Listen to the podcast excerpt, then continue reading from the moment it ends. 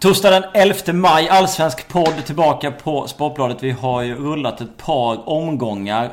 Eh, som vanligt är det jag, Fredrik Jönsson, vid den ena mikrofonen och jag har med mig skånsk kvinna vid den andra. Eh, en vanlig röst. Hallå. Linn, hur är läget? Det är eh, mycket bra. Gläds du åt att Malmö toppar Allsvenskan? Som skån, skånska? Nej, det gör jag inte eftersom att jag är på gränsen till Blekinge och jag redan har outat eh, min förkärlek till Mjällby som förlorar derby i helgen. Så att, nej, mitt fotbollshjärta är lite stukat. Mm. Eh, Småland har ju ett par lag, men vi, vi skiter i dem. Vi ska lägga det mesta av krutet på eh, Hammarby, Stockholm. Eh, även om gästen inte är därifrån. Han är ju från Örebro, Jiloan Hamad. Välkommen. Tack så mycket. Hur mår Gille? Eh, jag mår bra. Jag mår bra. Hur gick Kom. träningen i morse? Eh, gick väl ganska bra. Tränade mycket uppspel och, och hur vi ska ligga i positioner så ja, det måste göras. Hur är han, eh, dansken, i träningen om du jämför med de tränarna haft tidigare? Mm, han är bra. Han är, så jag har sagt det innan, han säger vad han tycker och Mm. tänker. Så gör man något fel så, så får man höra det och det spelar ingen roll vem det är egentligen som, som gör det. Han tar inte hänsyn till det utan eh, är det något som är fel så, så får man höra det helt enkelt. Vad har du fått höra? Jag har fått höra... Mm, are you sleepy? En gång faktiskt. Vad gjorde du då? Jag vet inte, jag hängde inte med. Jag trodde inte övningen hade börjat. Och så fick jag en passning mot mig och så ja, missade jag den helt. Och då frågade han om jag, om jag stod och sov. Och jag han, ju. skrattar han efter då? Nej, det vet jag inte. Jag kollade inte på honom faktiskt. Jag var... Ja, jag var tvungen att vakna. Ja. Vi har ju haft en eh, allsvensk omgång, vi ska prata lite om den också. Ehm, jag måste bara eh, ställa frågan. Vi träffades på eh, försäsongen en del. Jag var och kollade på Tele2. Då hade Jakob sagt att det kommer ta ett par månader för dig att komma in i det. Jag tycker att du har gjort det väldigt bra i, i Hammarby. Man ser att du har den här touchen som gör att, du kan spela på en, en högre nivå. Nu säger jag inte det för att jag ska sitta och fjäska för att du är en gäst. Men det har bara blivit en poäng än så länge på sju omgångar. Hur känner du efter det? Nej, alltså det känns bra. Alltså formen har varit bra. Eh, touchen och allt det där, det har suttit. Så um, det är jag tacksam för. Sen det här med poäng, det är ju någonting som jag såklart har funderat över väldigt mycket. För det har ändå gått sju omgångar, fortfarande inget mål och Nej. bara en assist liksom. Sen har det ju varit några, någon situation, det var en hörna nu som jag hade ju kunnat få en assist som Björn gör mål. Och sen mot Göteborg, den frisparken som blir självmål på. Så man har ju varit lite delaktig. Men eh, jag vet inte, jag tror det är för att eh, alltså vi är i en uppbyggnadsfas. Och jag känner att i många matcher så, så måste jag kanske komma ner lite djupare i positioner. Eh, för att liksom ja, men avancera uppåt i, i banan eh, och finnas som understöd. Och det gör att jag i sin tur inte kan vara lite högre upp i sista tredjedelen. Så det har blivit att jag kanske har fått göra förarbetet och sen liksom eh, sätta passningar till, till de offensiva spelarna. Så jag har hamnat lite, ja, men Hockeyassist. lite grann så. Jag har hamnat lite för långt bak. Men jag tror att eh, ju bättre vi blir och ju längre tiden går så, så kan jag ta det här steget upp och, och hitta mellanrummet i sista tredjedelen istället. Är det för att du känner att du behöver ta det ansvaret i defensiven? Om jag ska vara ärlig så har det har känts som att jag kanske behövs där. Eh, ja, faktiskt. Men mer, mer som att, alltså, varför inte? Jag har en fri roll. Och det är ganska svårt att, och, liksom för motståndarna att läsa av det när jag kommer ner så djupt. Eh, och jag trivs ganska bra där också. Komma ner och starta, alltså bygga upp spelet. Så lite både och. Lite både och. Har du några poängmål? Eh, ja, alltså efter 30 omgångar så, så vill jag ändå ha en, en 15 poäng. Det är där jag snittade innan jag lämnade faktiskt, tror jag, två säsonger i rad. Så ja, poäng varannan match tycker jag ändå att man, man borde kunna komma upp i. Du får det. upp, upp nu då. Ja, det är dags. Men det går fort, du vet. Eh, Någon match gör man två, tre poäng. Alltså det, det går fort, det går fort. Men det viktigaste är att vi vinner matcher. Det är inte så att jag springer runt och tänker på att jag måste göra mål eller, eller eh, assist. ut- Utan liksom, går det bra för laget så, så är jag glad. Sen kan man ju göra en väldigt bra match utan att göra poäng också. Eh, och det, har, det är väl så det har varit. Jag, vissa matcher känner jag att jag, jag har varit väldigt bra. Men poängen har uteblivit. Men det är skitsamma så länge vi vinner som mot AIC med 4-0 så det är det viktigaste. Ja, hur är det med självförtroendet? Självförtroendet är bra. Eh, sen har det ändå, alltså, nu, det är ganska mycket som är nytt i Hammarby. Så då, i början så kände jag, när jag kom också under försäsongen, att jag, funder, jag tänkte väldigt mycket på saker som jag vanligtvis inte tänker på inför en match.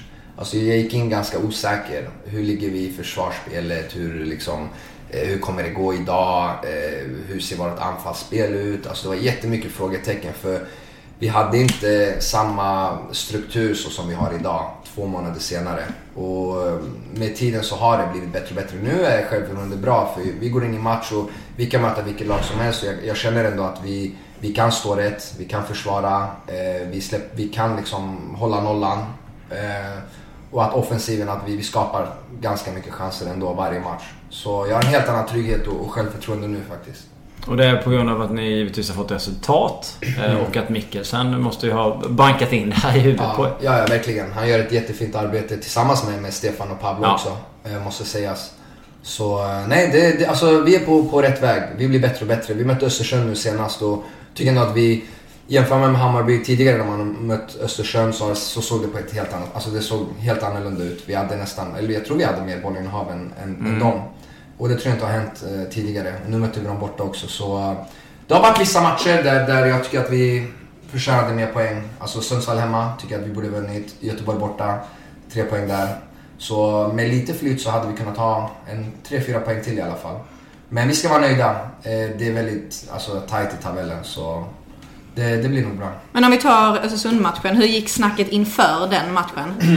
det, var, det var att vi ska tro på, på det vi har byggt upp under den här hela perioden och under de här första omgångarna av Allsvenskan. Att våga, våga spela med självförtroende, försvara framåt. Någonting som man tjatar väldigt mycket på. att vi Vissa matcher ligger vi bara i, i positioner utan mot sådana här lag som Östersund så, så måste man sätta lite press på dem. Mm. Eh, och, och liksom försvara framåt och det tycker jag att vi gjorde bra. Eh, vi vann bollen högt upp några gånger men det enda problemet var nu när vi har sett matchen i efterhand var att vi när vi vinner bollen så den där första passningen blev fel liksom så vi hamnade aldrig i de här omställningslägena som vi är väldigt bra på. Men snacket var att våga ha bollen och att Östersund inte gillar att försvara. Att de, de är inget bra lag på att försvara liksom. De är bra när de har bollen men försvara är någonting som inte de kan liksom. Och det såg man alltså. Vi har kollat flera klipp idag och det är inte ofta man från etablerat eh, passningsspel, redan från målvakt till backlinje, från backlinje till mittfält och, och sen in i tre, sista tredjedelen och skapa en farlig chans. Men det hade vi två, tre gånger. Och det är inte många lag som klarar av. Även när vi var i Tyskland, liksom i, i Hoffenheim. Så det var inte alltid man gick från back till mittfält. Alltså liksom etablerat eh, anfallsspel hela vägen ner till ett avslut. Det var inte ofta. Det var mer den här återerövringen på offensiv planhalva som gör att motståndarna kanske inte är i organiserade och sen skapade man från där. Eh, så jag tycker ändå att vi, vi gjorde det bra. Vi gjorde det tränarna ville. Sen, ja, slutet är väl sådär. Det är inga bra minnen alltså, men ja. Vad hände? Utveckla där. Han kallar det lite omogna där. Ja, men det, liksom... det, köper jag. Det köper jag. Det står 1-1, de får en utvisning, tror det är 10 minuter kvar. Ja. Man märker direkt att de, de försvarar liksom. De, mm. de är ganska nöjda med 1 Och vi har ju den här liksom, vi har varit väldigt bra på slutet. Tror bästa allsvenska laget sista kvarten, om inte jag minns fel. Och vi, hade, vi fick ny energi liksom i och med deras röda kort. Eh, ja men då vill vi liksom göra allt för att gå på, på 2-1 eh, och vinna matchen. Eh, och där ligger vi lite i obalans, det är en situation där vi springer offside mm. och så lägger de en crossboll från egen planhalva diagonalt och då hamnar det, vi hamnar kanske i en 3 mot 2 situation men sen när, när det väl kommer till kritan så är vi ändå fem bakom bollen en 5 mot 3 men då får han liksom ändå utrymme att skjuta utanför straffområdet och göra 2-1. Så det är väl det som, som är att man kanske inte ska gå för mycket framåt. Men det kändes som ni blir lite varnade för det för att han har ju ett läge först. Han skjuter i bugaveln och sen mm. smäller det ändå ändå. Exakt. Det ja, att... ja, men det var dåligt helt enkelt. Det var dåligt. Skulle ni haft straff? Det tycker jag faktiskt. Det tycker jag. Ja. Alltså den... Alltså bollen kommer, den studsar och tar i hans... Ja, det jag tycker bara... Nej men jag försöker ändå så resonera vad, vad regeln säger. Regeln säger ju liksom om det är för kort avstånd och han inte hinner flytta mm. eller reaktionstid och så vidare. Men den här tycker jag faktiskt, den tycker jag är solklar alltså. Går du och ältar sånt efteråt? Är du förbannad för sånt eller tänker du mer på prestationen som Nej, jag tänker, jag tänker mer att om det kommer till... Alltså okej, okay, fotboll är väldigt jämnt och sådär men jag tänker mer att om det är så att det kommer till just en situation under mm. 90 minuter då kanske alltså man inte förtjänar att, att, få den straff. Alltså jag tycker att man ska ha avgjort matchen tidigare. Eller i alla fall inte ha släppt in 2-1 målet och ändå få ett kryss. Så det är klart att man ältar alltså men Jag, jag är väl arg då på domaren liksom. Jag, jag sprang fram och sa att det var, det var en solklar straff. Jag tycker att han var ganska, alltså lite feg kanske som, som inte blåser straff. Men eh, han gjorde sin bedömning och det var att acceptera. Sen är det bara att släppa det. Östersund är ju ett väldigt hyllat lag i Allsvenskan. Tycker du att de förtjänar de hyllningarna som de har fått? Är de så... Ja, det tycker jag absolut. Sen har de ju fått en, en hype det här året, liksom att de ska vara ett topplag och så vidare. Men det kan jag kanske inte hålla med om. Men samtidigt, Allsvenskan i år är så jävla, alltså det, det är så jämnt i år. Och de här liksom andra topplagen, alltså AIK, Göteborg som ska ligga där uppe i toppen. Eh, jag tycker inte har liksom... Nej, jag är lite besviken. Jag tycker inte de har liksom kommit upp i, i den standarden som, som de ska. Eh, då tycker jag definitivt att Östersund ändå kan se sig som ett topplag. Alltså det är ett jättefint spelande lag. Där Graham liksom har gjort med, med det här laget är, det är fantastiskt egentligen. Alltså man kollar på deras trupp också. Det är ju det är duktiga spelare men det är mer spelare som har utvecklats under tiden de har varit i, under liksom Grahams vingar. Mm. Så eh, jag tycker att eh, de förtjänar allt, alltså all eloge faktiskt. För de spelar väldigt fin, utvecklande fotboll som är rolig att kolla på. Och det är roligt att möta dem också. Så det är kul när, när, när mindre klubbar spelar sån fin fotboll. Du nämnde AIK och Malmö. Mm. Johnny Lennartsson har du haft. Mm. Vilken Norling har du haft? Ja. Eh, har de gjort ett sämre jobb än vad man kan förvänta sig? Eller vad, vad tror du sånt beror på? Alltså, det är svårt. Alltså, jag, jag menar inte att de... Alltså, Göteborg kanske... Alltså man, Göteborg är ändå en, det är en av Sveriges största föreningar. Alltså Mm. det, det går inte att, att, att undvika. Alltså det är en jättestor förening. Och jag tycker ändå att man... Eh, sen som tränare har du ju en spelartrupp liksom. Alltså han kan inte trolla. Men eh, tycker ändå att man, man borde ändå vara lite mer överlägsen alltså, i vissa matcher. Alltså, nu möter de liksom AFC hemma och kryssar och du vet, det är ganska jämnt. De hade nästan kunnat förlora den matchen. Och, ah, lite matcher här och där. Men jag vet inte, jag, när jag tänker topplag så, så vill jag ändå se en dominans liksom. Alltså, Det är lite som när Malmö gick in och körde över Sundsvall kanske? Ja men lite Eller? sådär. Ja men lite sådär. Och Mm, det tycker jag, det, det är Malmö som har det där just nu i svensk fotboll. Mm. Sen tycker inte jag att de andra lagen, just nu i alla fall, är, alltså typ skulle AIK eller Göteborg möta alltså, Halmstad, säg vilken annan så klubb som helst eller så, så är inte jag helt hundra på att AIK kommer vinna eller att. Göteborg kommer vinna. Men skulle Malmö möta liksom Halmstad hemma eller AFC hemma då känner jag ändå att ja, men det, här, det här kommer liksom göra dem en, en hyfsad match och vinna. Då. Hur viktig var er seger mot eh, AIK? Mm, den var jätteviktig alltså. Det första jag lärde mig när jag kom hit är att derbyna är nästan är viktigast alltså, för supportrarna. Så eh, det, det är klart att, att man vill vinna. Sen när man, när man gör det borta mot AIK också, på Friends Arena, så är det ju nästan ännu skönare. Men hur viktigt var det så här för laget? Ni hade rätt så tuff inledning, förlorade öppningsmatchen och spelade lika sen mot Kalmar och sen så kommer den här vinsten som kanske ger lite lugn och trygghet. Ja, du har helt rätt. Det var, det var nog vändpunkten för oss. Alltså nu, nu, är, nu låter det som att vi har gått och vunnit alla matcher efter AIK, men alltså det var en, en vändpunkt i att, alltså då, då menar jag liksom att efter den matchen så, så kände vi allihopa vilken styrka vi har i laget. Och vi kände att vi kan vinna, vi kan vinna över vilket lag som helst. Eh, för AIK borta är nog tillsammans med Malmö borta kanske den tuffaste bortamatchen. Eh, och vi vinner den. Eh, och nej, det var, det var en, på något sätt liksom ett statement att vi, vi är här på allvar. Och för Mikkelsen så var det ju en taktisk seger för att ni spelade ju verkligen, kan jag tänka mig, så som ni hade sagt att ni skulle göra inför derbyt. Så det var bra för honom också. Ja, verkligen, verkligen. Eh, vi, den matchen var det kanske lite mer fokus på försvarsspelet, eh, fokus på att ta duellerna eh, och sen liksom göra det vi är bra på när vi har en, en jättesnabb anfallare i Pa. Så jag tycker jag att vi, vi gjorde det bra. Vi hade kunnat göra 3-1 också.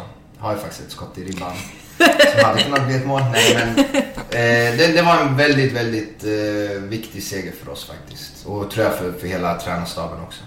Marcus Ahlström, det var, var eh, en kille på Twitter här, var därför jag frågade om, om Malmö. Han, det skiljer liksom 6 poäng mellan ettan och tvåan i Allsvenskan och sen är det jämnt mellan eh, tvåan och nian. Är Malmös dominans på tok för stor för svensk Är det bra eller är det... Nej, alltså jag ser inte varför det skulle vara, vara dåligt. Alltså, Vill inte du vinna då? jo, det är klart att, det är klart att man, man alltid Ja. vill vinna, men alltså när ett lag, alltså de gör ju någonting bra. Det är Ja. därför de ligger sex poäng före. Sen har de ju en spelartrött som, som är väldigt bra. Det alltså, om man ska vara ärlig så det, är- det är väl inget lag i Allsvenskan som ens kan mäta sig med den truppen Malmö har. Alltså när man har liksom Eikrem, man har Berget, man har Tobias Sana, man har många duktiga spelare på bänken liksom, som hade nog gått in i nästan alla andra allsvenska lags startelvor. Och har man dem på bänken så vet man vad det är för resurser man har, vad det är för trupp man har. Eh, och nej, de, de har gjort det väldigt bra alltså. Eh, så Om du fick välja en av eh, spelarna i Malmös trupp, vilken hade du velat ha till Hammarby då? Du, det är en bra fråga alltså. Nej, jag, jag är nöjd med truppen jag har här alltså. Diplomatiskt och smart. Ja. Hur mycket tittar du på Malmö? Eh, alltså fotboll, om jag ska vara ärlig alltså, jag älskar ju att spela fotboll. Men det är inte ofta jag sitter och kollar fotbollsmatcher alltså. Det är klart när jag var i Tyskland så, så följde jag Malmö. Mm. Men nu när jag spelar i Hammarby så... Känns som ett svek kanske att sitta och kolla på Nej, faktiskt inte. Nej, det gör det inte. Men jag, någon gång. Jag, nu såg jag deras match mot eh, Elfsborg faktiskt. Vad tyckte du? Alltså, det var en jättebra fotbollsmatch. Det svängde. Det var högt tempo direkt från början. Eh, och sen får de ju sina tre poäng liksom. Och som de gör det väldigt bra i andra halvlek och på slutet framförallt. Eh, så nej, det var nog välförtjänta poäng. Elfsborgs målvakt gör väldigt bra räddningar också. Eh, så det hade kunnat sluta faktiskt med fler mål för Malmö. Men nej, det, det är ett stabilt lag alltså. Det är ett stabilt lag. Men du tror att ni kommer eh, vinna mot dem här nu på hemmaplan, nästa men hemmamatch? det, det, är en, det är en match man vill vinna såklart. Eh, man möter Malmö, vi, vi spelar på hemmaplan inför fantastiska supportrar, har ett grymt stöd. Och jag tror att det, det är en match som, som passar oss bra tror jag. Eh, så jag har en bra känsla komma in till den matchen. Men först har vi, först har vi Halmstad borta nu här som, som är väldigt viktig. Så eh, sen kan vi fokusera på, på Malmö. Men jag tror att vi har väldigt goda chanser att, att göra något bra mot Malmö. Vad har du känt av annars? Jag har varit eh, här hemma och kommit tillbaka till Allsvenskan. Det blåser lite klubbar. Göteborg till exempel. Eh, AIK har också varit där. Varit lite ut och in där. Och nu var det någonting med att Ikhems agent gick ut och sa att får han inte spela så drar han från Malmö. Eh, känner man igen de här grejerna sen innan? Är det någonting som är annorlunda nu för dig igen? Nej, det känner man väl igen alltså, egentligen. Men... Eh, Ingenting du har reagerat på så här bara... Alltså det, det skillnaden nu gentemot för tre år sedan kanske när jag, när jag lämnade var att eh, nu känns det ändå som att alltså Malmö har ju ryckt ifrån lite grann. Ja. Men samtidigt, samtidigt, alltså nu, nu är Malmö, det är ett jättebra fotbollslag men jag tycker ändå, ändå inte att de har varit sådär jätteöverlägsna i spelet som de har varit för några år sedan. Om man tittar tillbaka. Så det är klart att de har ju vunnit sina, sina matcher men det har varit väldigt jämnt i alla matcher. Örebro leder med 1-0 borta mot Malmö liksom och de lyckas vända. Så det är ju en styrka i sig också att när de inte är i, i sin absoluta form att de ändå plockar de här poängen. Så samtidigt kan man vända på det och säga att det, det är också någonting riktigt starkt. Ja. Men jag tycker inte att Malmö idag är, är så pass bra att man ska liksom frukta dem allt för mycket. Det är därför jag säger att vi möter dem hemma och att jag tycker ändå att vi har goda chanser liksom. Och det måste jag, det, det tror jag även om vi hade mött, alltså det spelar ingen roll vilket lag vi hade mött. Jag, jag, alltså Hammarby på hemmaplan, vi ska vinna liksom. Eh, men eh, det, det, det skillnaden nu är väl att det är många lag som är väldigt, väldigt jämna. Jag tror inte att vi kommer se något lag alltså, rycka ifrån, förutom Malmö som, som har nu sex poängs försprång. Men jag tror att det kommer vara väldigt jämnt alltså, från, från tvåan till nian även om tio omgångar. Alltså. Det, det är min känsla. När, när, du, när du ser Malmö så, om man tänker att... Eh, nu vet inte jag hur, hur mycket insyn du har och hur mycket du pratar med de som är där och så vidare. Men en, en tränare som Magnus Persson som ändrar så pass mycket. Mm. Vad tar du för analys av det? Är det för att han vill testa sig fram? Är det för att han inte är nöjd? Vissa spelare går från startplats till ut. Sana till exempel i första fighten och, Ja. och sådär. Alltså, jag vet inte vad jag ska säga. I Sverige är man ganska van att man har liksom en startelva nästan. nästan Jo, men lite 30 så. Ja. Och det är ganska så här, alltså det är inte svenskt men det är, det är en bild vi har av, av fotbollen i Sverige att man, man vill ha det här liksom kontinu... Kontinuitet. Ja, jag kan inte uttala det ordet alltså. Det är, för det så jävla tråkigt. Ja, det är också tråkigt. Ja. Ja. Nej men att man, man ska ha samma trupp och de ska spela ihop sig och bla bla allt det där. Men när jag var utomlands så är det helt tvärtom. Du kan gå från att starta en match till att hamna utanför truppen. Alltså sitta på läktaren. Och sen tillbaka igen från start, från läktaren liksom. Så det är jättemycket rotation och den tränaren vi hade nu till exempel i Hoffenheim som ändå är topplag nu i Bundesliga. Där ändrar han nästan inför varje match alltså. Det, det, är, inte- det är sällan det är samma startelva och det går ändå bra. Men blir det jobbigt eller att man är tvungen att vrida upp sin egen Alltså, Nu kapacitet? vet jag inte liksom, hur, hur motivera? Magnus eh, liksom... eh, Hur han motiverar? Ja, men inte motivera men mer hur, hur deras spel är. Men i Tyskland var det så här att tränaren, man hade sitt system, alla vet vad man ska göra och då spelar det ingen roll om det är eh, alltså han eller han som spelar Nej. utan alla vet rörelserna, man kan sina liksom roller. Och då spelar det egentligen inte så jätte, jättestor roll. Och då är det dagsform som avgör. Hur ser det ut på träningarna? Mm. Och jag gillar ändå tanken av att en tränare ska inte vara rädd att ta ut en spelare. Nej. Även om laget har vunnit. Men han har gjort en dålig match liksom och jag känner att fan, han som han konkurrerar med är ändå på gång. Mm. Och, och då byter jag ut honom. För oftast så, ju, ju mer du vinner desto närmare en förlust är det liksom på något sätt. Och, och det känns ändå som att spelarna ibland, även fast du har vunnit 3-4 matcher, så, så slappnar någon lite av. Men kan du ändå få in, när laget går bra, att ändå kunna rotera på 2-3 positioner. Så, så tror jag att man kan höja sig ännu mer. För de som kommer in kommer vara ännu hungrigare. Så det behöver inte vara någonting dåligt. Du har haft Ola Nilsson. Eh, Rickard Norling. Ja. Nagelsmann. Eh, s- eh, Hubb. Eh, vad, hette, vad hette han för? Eller han du hade i Standard Eh, Marcus, ja, Gistol hade jag Ja. också. Sen hade jag José Riga. I, Ja, just det. Ja. Eh, och nu då eh, Mikkelsen. Mm. Kan du, kan du liksom de som folk känner till här av de här eh, du har upp är väl eh, lättast då som följer Allsvenskan nu Olle och Rickard Norling och, och, och Mikkelsen och så. Men om du skulle jämföra dem på, på den här nivån av att du säger att det är så utomlands, det är så i Sverige. Är det, är det väldigt stor skillnad på det taktiska kunnandet? Är det väldigt... Eh, är det mer omständigt i Tyskland? Är det mer liksom detaljerat? Är det annorlunda här? Eller? Ja, alltså jag skulle vilja säga att, eh, alltså, samtidigt, jag har ändå varit, alltså, alltså, jag har varit lyckligt lottad med väldigt bra tränare. Alltså, minns när Roland Nilsson tog över Malmö så, så ville han direkt liksom, "Ja, men vi ska spela fotboll. Samtidigt som man har ändå en, en stabil liksom, försvarsgrund och, och struktur.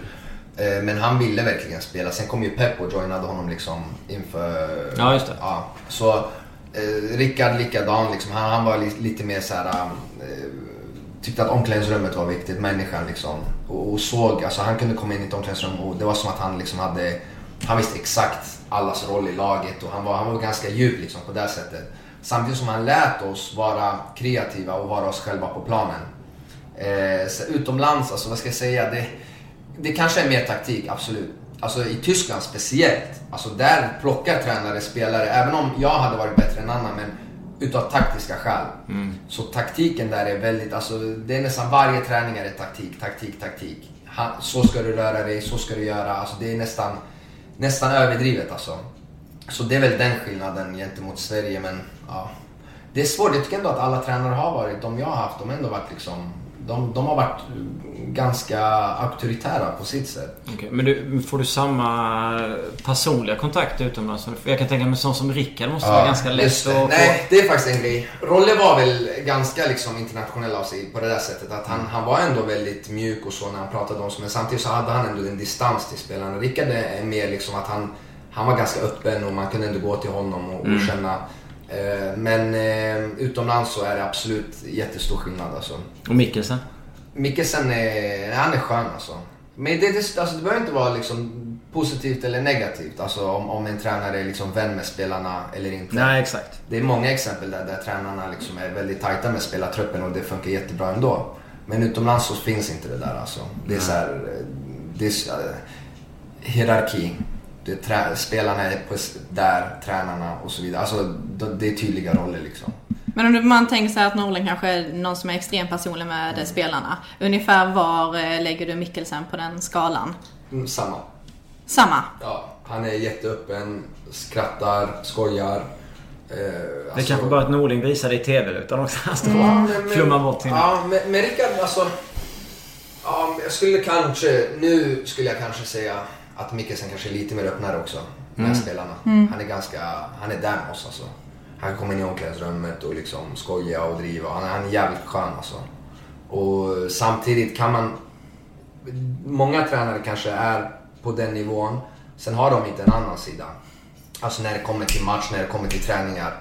Alltså utanför det så är vi alla människor. Och varför ska det vara att tränaren inte får prata med spelare bara för att han ska visa någon auktoritär sida utav sig själv. Utan Jakob är så väldigt eh, soft och chill när han är med oss. Eh, utanför. Men så fort det är träning, då, då finns inte Slår det längre. där. Då, då slår han om liksom. Då går han också in i en roll, precis som vi spelare går in i våran roll liksom. Eh, så det, det tycker jag är bra.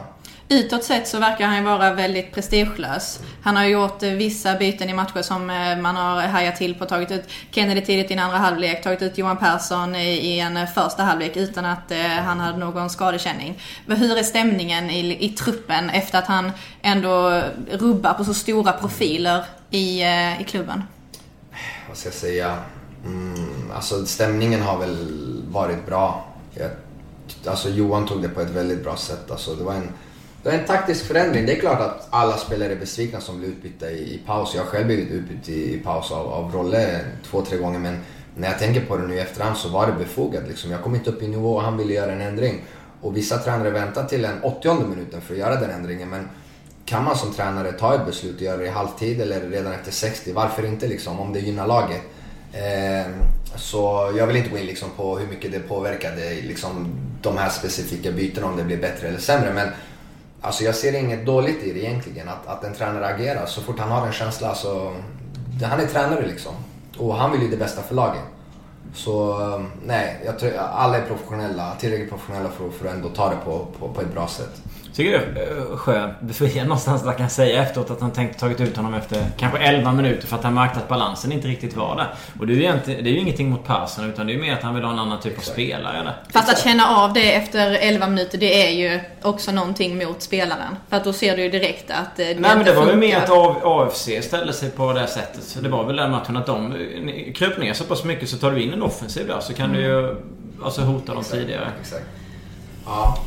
Jo, alltså, vi, vi går in i match och, och liksom kollar på motståndaren och vet på ett ungefär hur de har spelat tidigare. Men du vet, de ändrar ju sin taktik. De hade en väldigt tuff, alltså alla hade ju en tuff, eh, ett tufft schema då med tre matcher på 6-7 ja. dagar. Och AFC hade ganska många så här, små skavanker. Någon spelare som hade ont som spelade ändå. De hade några skador, avstängningar. Mm. Och det tvingade ju dem till att kanske spela med en back, fembackslinje. Mm. För tränaren kände väl att ah, men vi har inte den här orken liksom, att stå upp idag och spela det offensiva. Då gick de ner på och det kan inte vi förutse, eller förutspå. Mm. Eh, så då blir det liksom, ah, men nu går de på femback. Okej, okay, sorry Johan liksom. Men vi såg inte det här komma, vi måste plocka ut dig för att sätta in en offensiv spelare som gynnar laget i sin tur. Mm. Så varför ska Johan liksom, det är klart man inte vill bli utbytt mm. men han förstår ju det. Alltså det är inga konstigheter. Han var på, på benen och så startar han nästa match liksom. Så det, det, det är bara att köra. Mm. Eh, om vi tittar på den allsvenska omgången som var nu. Mm. Du har ju mött både IFK Göteborg och Kalmar. 1-1, yes. 1-1.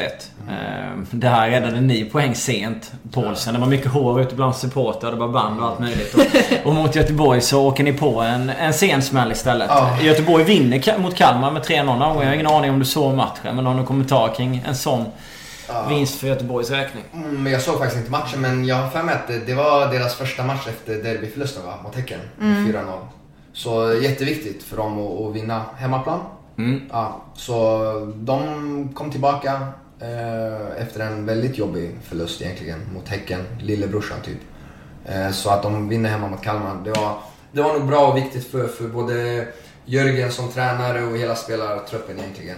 Så vi får se nu hur, hur det går. Men eh, ja. Vad ser du för kapacitet på Kalmar och Göteborg efter att ha mött dem? Alltså Kalmar, jag vet inte vad, alltså, vad som hände där riktigt. När vi mötte dem tyckte jag att de var jättestabila. Alltså, de låg jättebra i, i försvar, det var svårt att trässa igenom. Eh, Då studsade de också tillbaka, för de fick ju en jävla smäll i, mm. i första matchen. Ja, exakt. Ja, exakt. Och mot oss tyckte jag ändå att de var, alltså, de var svåra att möta. Nästan hela deras, alltså, kollar man deras startelva, det, det är spelare som har gjort väldigt många allsvenska mm. matcher. Eh, så liksom erfarenhet, rutin och de gjorde en, de hade en matchplan och, och liksom de utförde den, tycker jag, perfekt mot oss. Sen gör vi ju 1-1 väldigt sent, eh, vilket var bra för oss. Men jag tycker att efter den matchen så kände jag ändå att Kalmar kommer vara ett bra lag i Allsvenskan. Och så liksom omgångarna efter släpper de in mål till höger och vänster och spelar väl en helt annan typ av fotboll. Mm. Jag vet inte riktigt vad det beror på. Om, de har, om det var Elm som gick ut tidigt eller om han liksom har varit skadad, inte spelat och så vidare. Jag vet faktiskt inte. Ja, han har inte varit med så mycket. Han har inte varit med så mycket. Mot oss spelade han nästan hela matchen tror jag. Och då såg Kalmar faktiskt jävligt stabila och bra ut. Så jag vet faktiskt inte vad som hände där. Men de stängde ju Malmö hemma utan honom. Och sen så...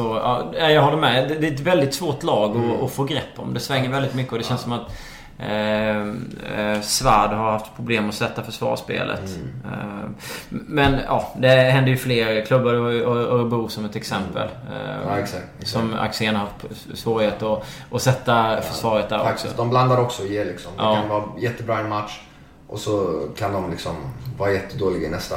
Mm. Så ja. Men du, Norrköping förlorade ni mot i öppningsmatchen. Mm. Då, eh, det kändes ändå som att ni var bättre med då än vad jag och kanske mm. många hade förväntat sig. Mm.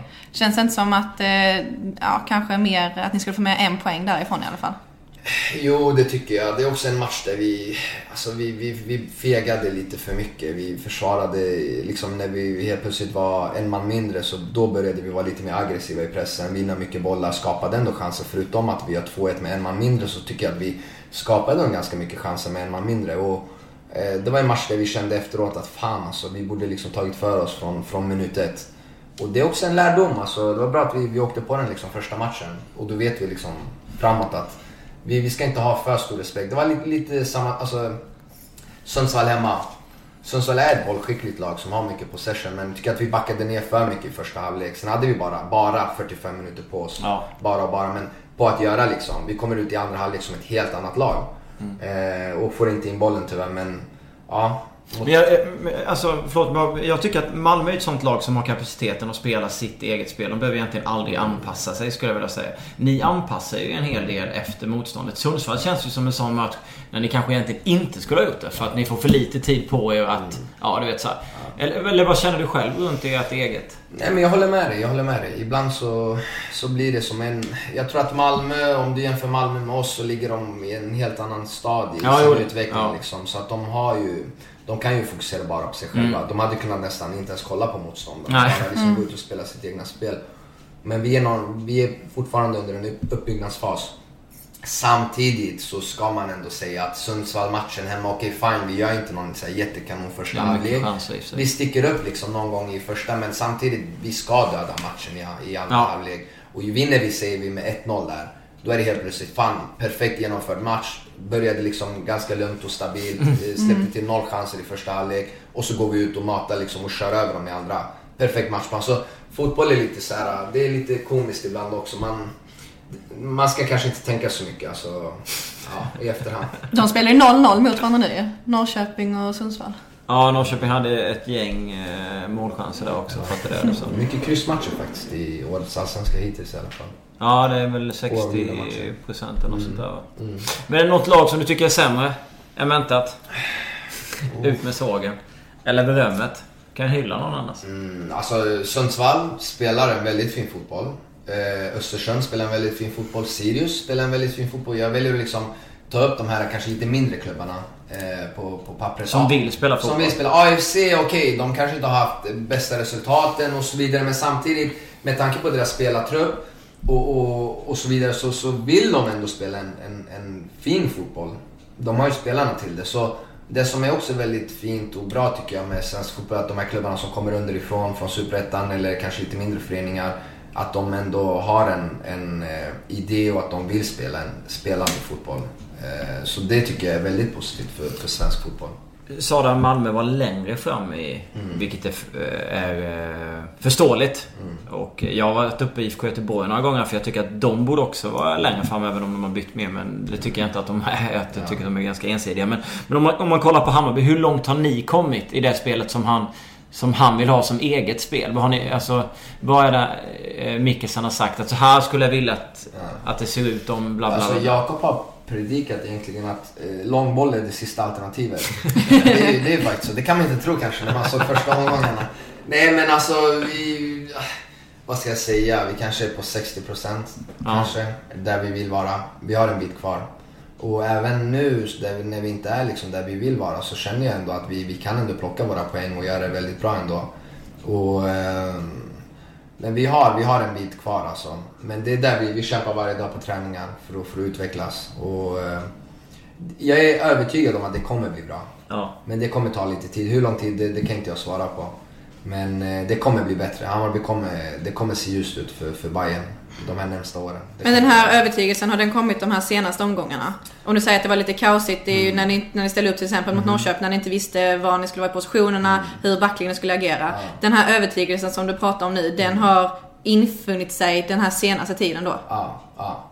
Är det på grund av att jag, jag var faktiskt optimistisk från början för att när jag kom hit så kollade jag liksom spelare för spelare, jag kollade våran spelartrupp och jag kände att det är klart att, att man kanske tänker så ah, men det behövs förstärkning på vissa positioner, självklart. Om man ska ta ytterligare kliv. Och det kommer det komma, Hammarby kommer värva. Alltså det, det, det är en tidsfråga liksom. Antingen i sommar eller till nästa år liksom. Och nu har Jesper kommit och jag tror att han, jag är övertygad om att han kommer göra ett jättebra jobb i sin scouting och, och så vidare.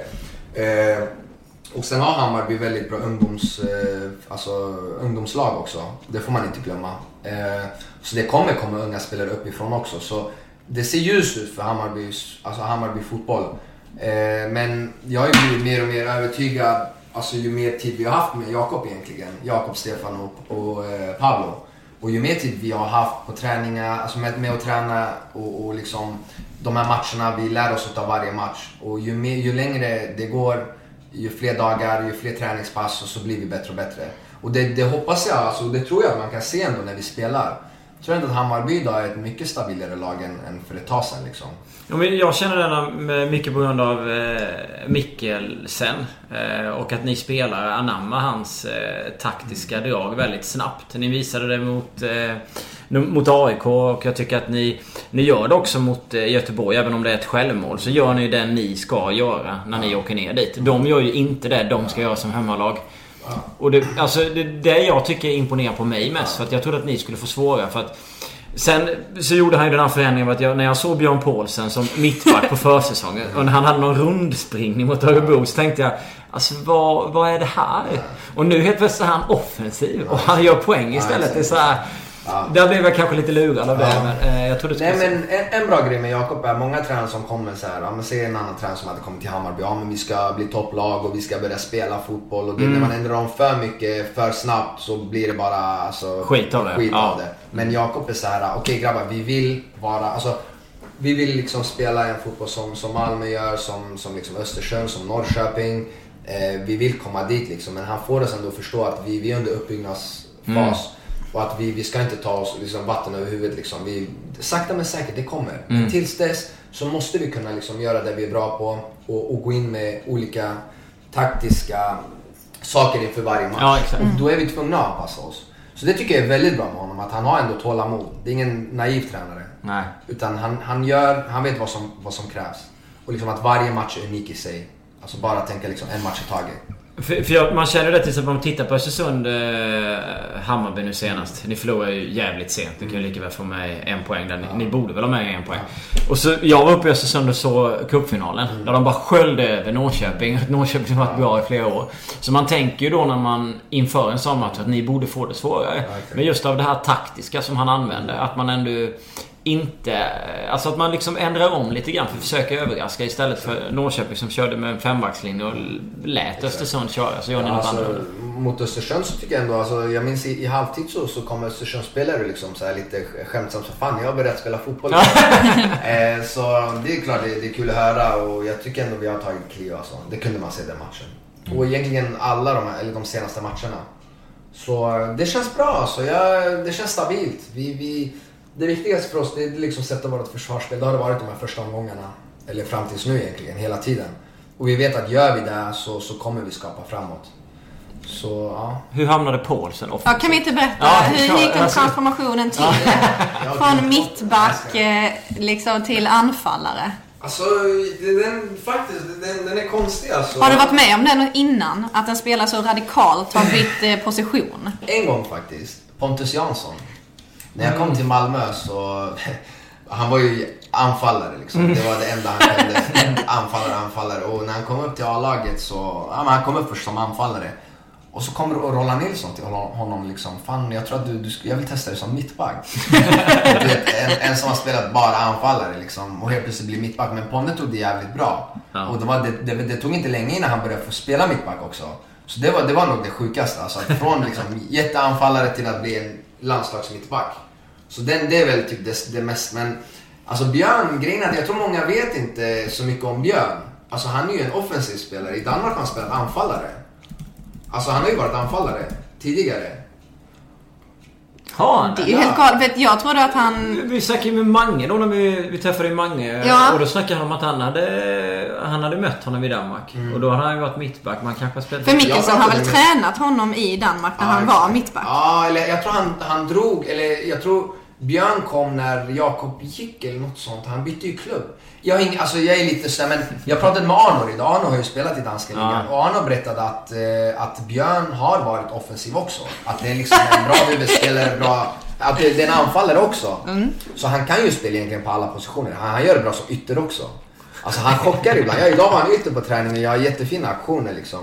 Så man kan väl använda honom överallt. Vi har haft honom som både höger och vänsterback under försäsongen, mittback, anfallare, alltså överallt nästan. Esbjerg, två mål. Tre mål innan dess. Sönderjyska. Han hade en fyra, fyra, tre mål. Han har gjort en del baljor. Men jag tror, jag tror faktiskt att han har spelat anfallare också. Jag måste kolla det med honom. Jag får twittra ut det. Tre baljor har han på sju mål. Det är jävla da- dansk dynamit när han har kommit dit alltså. Ja. Men alltså när han bestämde sig då? Det bara kom? Eller hade ni tränat på det innan? Bara, jag, "Nej, jag tror att det var... Tanken var att ha honom som mittback först. Men sen så spelade Rickard väldigt bra under försäsongen. Magyar. Mm, Eh, samtidigt som Aido liksom har ju, alltså... Det är en spelare som... Ja, han ska spela liksom. Mm. Eh, när han är frisk och, och så vidare. Så då blev det helt plötsligt att, ja men vad gör vi nu? Ja men då, då har vi Björn i, i den här liksom rollen när vi spelar 4-1, 4-1. Och det gick vi över till för inte så länge sedan. Alltså, jag tror sista genrepet, något sånt, Mm. gick vi över till 4-1, 4-1. Och då kände väl tränaren att han, han Mom deserves the best, and there's no better place to shop for Mother's Day than Whole Foods Market. They're your destination for unbeatable savings, from premium gifts to show-stopping flowers and irresistible desserts. Start by saving 33% with Prime on all body care and candles. Then get a 15-stem bunch of tulips for just $9.99 each with Prime. Round out Mom's menu with festive rosé, irresistible berry chantilly cake, and more special treats. Come celebrate Mother's Day at Whole Foods Market. Vill ha tyngd i mitten. När vi är i en fas där vi kanske inte är det här jättespelande laget som vi vill vara. Då kanske vi behöver mer tyngd och ha en spelare som av, alltså, avlastar lite. Alltså att den, den långa bollen kan komma och då är Björn där liksom och vinner nästan varenda duell. Och jag har aldrig sett en spelare vara så överlägsen i, i, du- alltså, i huvudspel som, som Björn. Alltså han, han kan vinna varenda liksom. Är han bättre offensivt än defensivt? Alltså, jag tycker han har kommit in väldigt bra i den här positionen, den här rollen som han har. Det, är- alltså, speciellt nu under, i den här fasen som Hammarby är i idag, så är Björn väldigt nyttig för oss där i mitten. För han både liksom kämpar, sliter och så vidare. Men då är frågan liksom om till sommaren eller efter sommaren eller när som helst. Alltså, när vi liksom har utvecklats mer och mer och mer i samband med att det kanske kommer in några nya spelare och vi tar ytterligare ett kliv. Då är frågan, kan man ha Björn i den här offensiva rollen? Alltså, Ja, man kanske får slipa om rollen lite om man ska in till exempel en, en brasse där eller något Ja annat. men Ja. alltså kan det är man- frågan liksom. Ja. Alltså, för vi har ju ändå, vi har Romelu som inte har spelat så mycket. Nu har han varit skadad men det är en fantastiskt fin anfallare. Alltså han har sån potential. Första träningen när jag kom till Hammarby så spelade jag i samma lag med honom, så fem mot fem. Och jag, jag, har, alltså, jag visste att han hade gjort det här tre mål liksom, i ett derby mot Djurgården men att det har varit lite upp och ner för honom. Men jag såg direkt hans, hans kvalitet. Alltså, han Ni- kan spela nästan överallt. Alltså. Ni hittade varandra. Vi hittade varandra. I, i, Ja. mot, jag kommer ihåg mot Norrköping där i första så var det tendens till att man bara... För att vi, har, vi har ju sett han innan och jag hade inte sett eh, han eh, så... Han har ju varit petad ganska mycket liksom. Ja. Men helt plötsligt så börjar du och han hitta varandra. Och det Ja, alltså, jag, jag kan säga, jag kan, jag kan faktiskt sticka ut hakan och säga att Romelu det är en klassanfallare. Alltså får han bara förtroende och nå- alltså, någon som tror på honom och hittar en re- bra roll eh, åt honom så han har jättefin kvalitet. Alltså, det, han kan fotboll också. Du vet, du, du, vet vad, du, du vet vad du får. Du spelar upp den, han spelar tillbaka den, han är smart, han orienterar sig innan han får bollen. Sen är han också bra på att liksom, komma till avslutningslägen och han är väldigt lugn. Alltså Norrköping, han får en chans, han gör ett mål liksom. Eh, Borde Jakobs kunna ha med? Alltså jag vet, det är hans beslut liksom. Men jag tycker att Romelu har, har mycket att ge. Sen, sen har vi ju en pass som har varit fantastisk också. För när vi spelar 4-1-4-1 och vi behöver Pa liksom som, som kan egentligen ta hand om en hel backlinje på, på egen hand. Så Pa är också jätteviktig i, i vårt spel. Så det är klart, det, det är svårt hur, hur, hur man gör. Det är därför jag säger att vi har bättre trupp än, eh, trupp än vad, vad många tror. Vi har Imad Khalili som nu ser fantastisk ut på träningar. Och som också är en jätte, jättefin fotbollsspelare. Eh, och får man ut liksom hans potential också. Det, alltså det finns inga gränser, det kan, det kan bli bra. Men det är just också med att få ut. Jag känner när det gäller just Khalili då att... eh, man, nu har inte jag pratat med honom om just det men det känns lite som hur, hur mår han? För att han eh, kom ju hem som en eh, stark värvning och inte alls fått ut det han, han kan. Nej, alltså nu började han bra. Han fick starta under försäsongen. Sen gick han, fick han liksom, ja, men lite problem med baksidorna och så var han borta. Och då är det svårt kanske att komma tillbaka direkt. Men eh, han är bra i B-lagsmatcherna. Han håller humöret uppe, han, han tränar extra. Han, han liksom, du ser alltid han var kvar och, och körde löpningar efter, efter varenda träningspass egentligen. Så jag vet att han vill väldigt mycket. Så eh, det, det går fort i fotboll. Ett inhopp, ett mål och så är han tillbaka liksom. Så det kan vara vändningen. Så han får bara liksom fortsätta kämpa på och vänta på sin chans. Men kände du någon frustration över att du kommer för långt ner i banan? Som vi pratade om eh, i början eh, av podden här. Ja, alltså... Att du skulle behöva ha någon spelare som gör att du inte behöver ta det ansvaret eh, bakåt. Att du kan fokusera framåt. Ja, vissa matcher, alltså under matcherna så nej, men efteråt så känner jag bara så här, fan alltså jag, jag hade velat komma in i ytan mellan deras liksom, mittfält och backlinje och komma rättvänd där, för där är jag som bäst. Och det finns ju sekvenser i nästan alla matcher som jag spelat där jag har kommit i, den här, i de här situationerna och då blir det oftast bra. Eh, Men samtidigt, alltså, jag måste också acceptera att vi, vi är någonstans i uppbyggnadsfas som jag sagt innan, som vi har pratat om mycket. Men att jag kanske behöver gå ner nu och Men det är väldigt avlasta. osjälviskt av dig. Att ta den rollen och vara så pass lugn i det ändå. Ja, men som jag sa, alltså, för mig är det viktigt att vi, vi, jag, vill, alltså, jag vill att vi ska vara topp 5 när säsongen är slut. Alltså. Alltså jag, det kanske är såhär, vissa, ah, men kom igen driva mig. Men alltså jag, jag tycker att vi, vi kan vara där. Och vad, alltså, då bryr jag mig inte vad, jag, vad min roll är. Alltså. Jag, jag ser till att det går bra för laget. Det, det är fan det enda jag tänker på. Alltså. Eh, när det gäller eh, den här allsvenska omgången som var. Vi var inne lite på IFK Göteborg-Kalmar. Måste ändå ställa frågan. Det blåser ju en del i Göteborg. Eh, Hur mycket påverkas man i en klubb? Eh, nu säger det är kanske svårt för dig. Jag har all inside i, i just Blåvitt. Men när Gustav Engvall, en före detta spelare, går ut och liksom kastar eh, grejer mot Mats Gren. Och det är bara en enda person nu eh, förutom Gren då. Jag tror att det var Mattias Bjärs med kaptenen som får uttala sig. Hur påverkas man i ett lag när det liksom den typen av saker? Alltså, vad ska jag säga? Det regnar alltid i Göteborg. det har regnat varje gång jag är där. Nej, men eh, det är klart att det inte är bra för, för Göteborg. Sen, alltså, sen att någon spelare anonymt har liksom pratat med... Men först var det ju Engvall utåt. Ja, han var ju väldigt utåt, exakt. Och sen var det anonymt. Vad ska jag säga? Alltså, jag är väl inte något fan av spelare som, som i efterhand går ut och sågar. Alltså, Anonymt då eller? Ja men anonymt eller alltså, okej Engvall gör det ändå liksom offentligt i en Mm. podd liksom. Men samtidigt alltså, jag vet inte. Jag hade hellre där och då liksom tagit det öga mot öga med Mm. den person jag har problem med.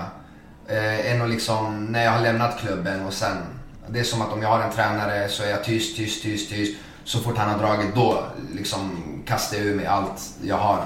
Så det är också lite så här, men det är klart att när, när det inte bara är en så måste det väl finnas någonting i det.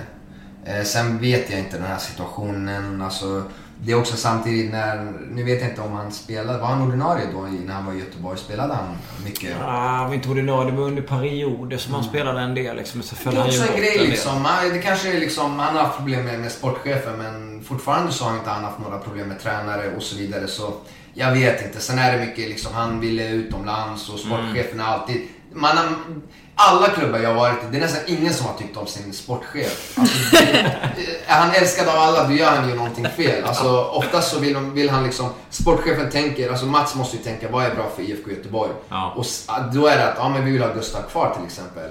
Och klubbar kan ju påverka det. De kan ju bestämma, vi vill inte sälja honom. Och, och då kan det ju bli liksom, ja men problem och så vidare. Så när det kommer till just den situationen så tycker jag inte att man ska tänka för mycket utan det, det sker hela tiden alltså. Gillar inte du din sportchef? Jo, han är rätt men nöjd nu. precis så jag har inte hunnit ogilla honom. Eh, men jag vet inte, just det här sportchefsspelare tycker jag inte att, jag höjer inte ens på ögonbryn när jag läser eller liksom när jag, var, när jag varit utomlands eller, eller redan tidigare. Alltså, det är alltid någon. Alltså, ha- hade alla spelare gått ut och sagt exakt som de tycker och tänker, då hade alla sportchefer fått skit. I alla fall av minst två, tre spelare i varje klubb. Så just den situationen tycker jag inte att det är något så här jättevidare. Men att en spelare går ut till en journalist och säger att det är någonting som är jätteknas, liksom, då är det lite mer så här, fan då är det jobbigt. Eh, och den kanske inte man kan snacka bort. Nej. Men eh, ja. Men det känns som att det har varit en, kanske en liten storm som har legat och väntat och sen så blev detta en, en utlösande faktor. För att om en spelare går ut och säger sådana saker i efterhand och sen så idag så går de ut och sätter liksom, ja men att inte spelarna får prata, det är bara Biasmi som får uttala sig. Då är det ju någonting som ligger... Grenade möte med spelare. Ja men exakt, då är det ju någonting som ligger undermedvetet för att ett sånt uttalande ska inte få sån vidd direkt. Perfekt timing här nu. Engvall kommer från tre mål mot Örebro. Ja, det- 4-0 och ska Ja, möta IFK Göteborg. Han ska möta IFK Göteborg också i nästa Ja, oh, den är bra, den är bra. Nej men sen vet jag inte, sportchefen får ganska mycket skit. Alltså vad är det spelarna vill få ut av det liksom? Ja men sportchefen har behandlat oss dåligt, eller sportchefen hit och dit. Men alltså vad är grejen liksom? Nu har de den truppen, de kan inte göra någonting förrän i sommar. Nej. Alltså vad, vad, är, det, vad är problemet liksom? Jag förstår inte. Fokusera istället på att göra bra matcher nu inför sommaren och sen att kanske klubben antingen värvar eller blir av med vissa spelare. Alltså, vad kan han göra nu, sportchefen? Alltså, vad- varför hoppar alla på en, en sportchef för? ja, men man har ju sin trupp. Alltså, det ju- vad, är- vad är det de vill? Skriker de efter nya spelare? Är de inte nöjda med sig själva? Eller vad? Alltså, jag förstår inte riktigt vad, vad problemet är.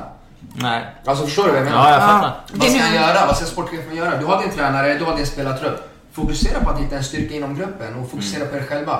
Sen när sommaren kommer så Ja men då får, får man vara på kanske, ja men vi behöver nya spelare. Då får de gå ut och säga, ja men vi vill, vi vill värva. Vi, tycker inte, vi tycker inte våran trupp är tillräckligt bra. Nej. Vad, vad ska sportchefen De kan, de kan skita i sportchefen och bara bry, bry, sig om sig Ja, själva men och exakt. tränaren och spela Exakt. fotboll. Ja men sluta samman istället. Exakt. Använda den styrkan liksom. Ja, eh, men det är, ändå, det är ju kittlande att de, eh, att de möts. Men om man... Det, när just när det gäller Djurgården och Örebro där så slutade det 4-0. Vi hade ju den här incidenten med Kennedy Bonanicke. Ja, det. Det där att de anmäler honom 20 dagar efter. Han stängs av. Axén får reda på det på, på, på förmiddagen inför matchen. Vad är din känsla runt en sån, ett sånt beslut? Eller att det tar 20 dagar? Ja, alltså det, det är en grej jag inte fattar alltså, varför det tar så lång tid. Alltså. Vad, är det som ska, vad är det som tar sån tid? Det, det skulle jag vilja veta. Alltså, varför ska det ta 20 dagar för ett beslut att, att fattas liksom?